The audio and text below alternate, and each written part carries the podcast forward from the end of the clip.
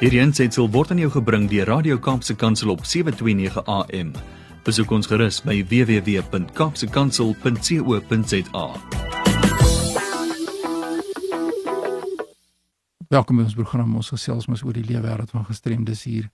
En ons kyk wat is die uitdagings en dankie vir die luisteraars wat saam gesels en vra deur die volgende paar weke gaan 'n bietjie kyk na pertinente of spesifieke vrae wat luisteraars wil weet of meer inligting soek oor gestremdheid.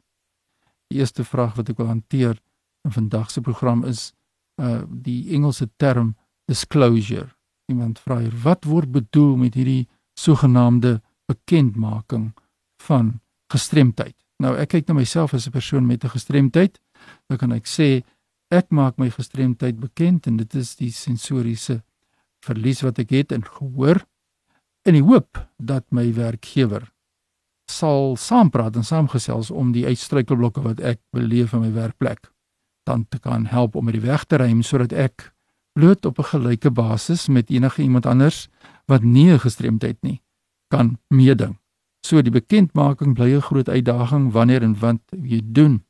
En die belangrike feit is as ons sê dat gestremdheid word van buite af eintlik op die mens afgedwing. Dis die gemeenskap wat die persoon strem. 'n Persoon is nie gestremd binne homself nie. 'n Persoon het 'n verlies, 'n bepaalde verlies soos ek, ek het gehoorverlies, maar die gemeenskap strem die persoon. Dan as ons sê in die Engelse term gebruik hulle disability is imposed by society. En dit is op mense met gestremthede. En wanneer hierdie individu dan uh, nie gelyk kan meeding nie, kan 'n mens sê mens kan jou jou verlies, jou impairment kan jy disclose. So die bekendmaking, die vraag oor bekendmaking kom dan daar basies daarop neer. Jy moet sê ek het 'n bepaalde verlies. Nou wat belangrik is, is daar sigbare en minder sigbare forme van verlies of gestremdheid soos dit nou bekend staan. As iemand in 'n rolstoel is, is dit baie duidelik dat 'n persoon kan nie die trappe gebruik nie, hy het 'n oprit nodig. Maar wanneer dit kom by jou minder sigbare forme van verlies is dit 'n groot uitdaging. Iemand het miskien bipolêre angsversteuring. Mens kan dit nie sien nie. Nou dan moet 'n mens kyk wanneer moet 'n mens hierdie toestand of hierdie siekte toestand wat die persoon het wat dan 'n impairment, 'n verlies veroorsaak wat psigososiaal van aard mag wees, wanneer moet hierdie persoon dit bekend maak? Nou as mens kyk na die wetskrif sê they can however assist an employer in identifying barriers in the workplace which exclude them. So mens kan jou impairment, jou verlies bekend maak. Maar dan moet jy saam sit en sê, "Goed, ek wil in 'n vergadering meeding, maar wanneer waar jy die vergadering hou, is op 'n plek waar daar nie 'n toeganklike toilet is nie." Nou omdat daar nie 'n toeganklike toilet is nie, is hierdie plek vir my ontoeganklik. Maar nou soos ek net genoem het, is die fisieke die fisieke gestremthede wat sigbaar is, is baie makliker om dit te sien. As iemand daar sit en sê maar ek is iemand wat 'n sensoriese gestremdheid het wat baie moeilik vind om in 'n geraas omgewing te kan funksioneer. Het sy dit nou autisme is of het sy dit nou een of ander vorm van gehoorverlies is, dan moet die persoon dit bekend maak.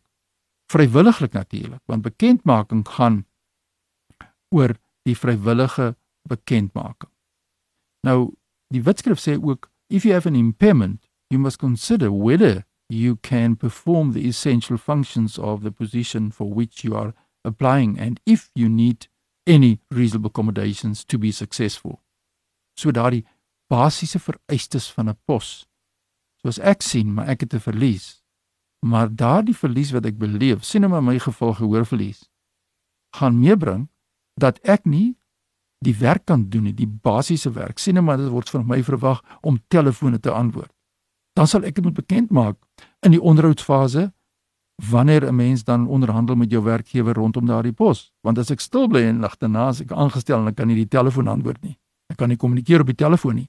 As ek as ek, as ek in die moeilikheid. Nou waar wat sê die werkgewer dan vir my? Maar jy het nie bekend gemaak nie en ek het kon nie tyd kry om met jou te gesels oor hoe ons jou kan akkommodeer nie. So dis 'n baie goeie vraag van 'n luisteraar oor die bekendmaking en as jy enigstens worstel of jy doen aansoek vir 'n nuwe pos of jy is reeds in werk en jy wil graag aansoek doen vir verhoging of vir 'n pos wat wat jy kan aansoek doen voor binne in jou bestaande werkplek kontak my. Ons sal probeer vir jou ondersteun om die inligting deur te gee wat jy kan gebruik om met jou werkgewer te kan onderhandel. My e-pos is fani.dt by mweb.co.za want ons werk gereeld met werkgewers rondom die kwessie van bekendmaking en uiteindelik die akkommodasie wat daarmee saamgaan. Net weer my e-pos is fani.dt by mweb.co.za. Groetens tot volgende keer.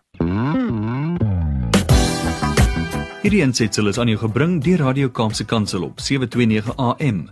Besoek ons gerus op www.kaapsekansel.co.za.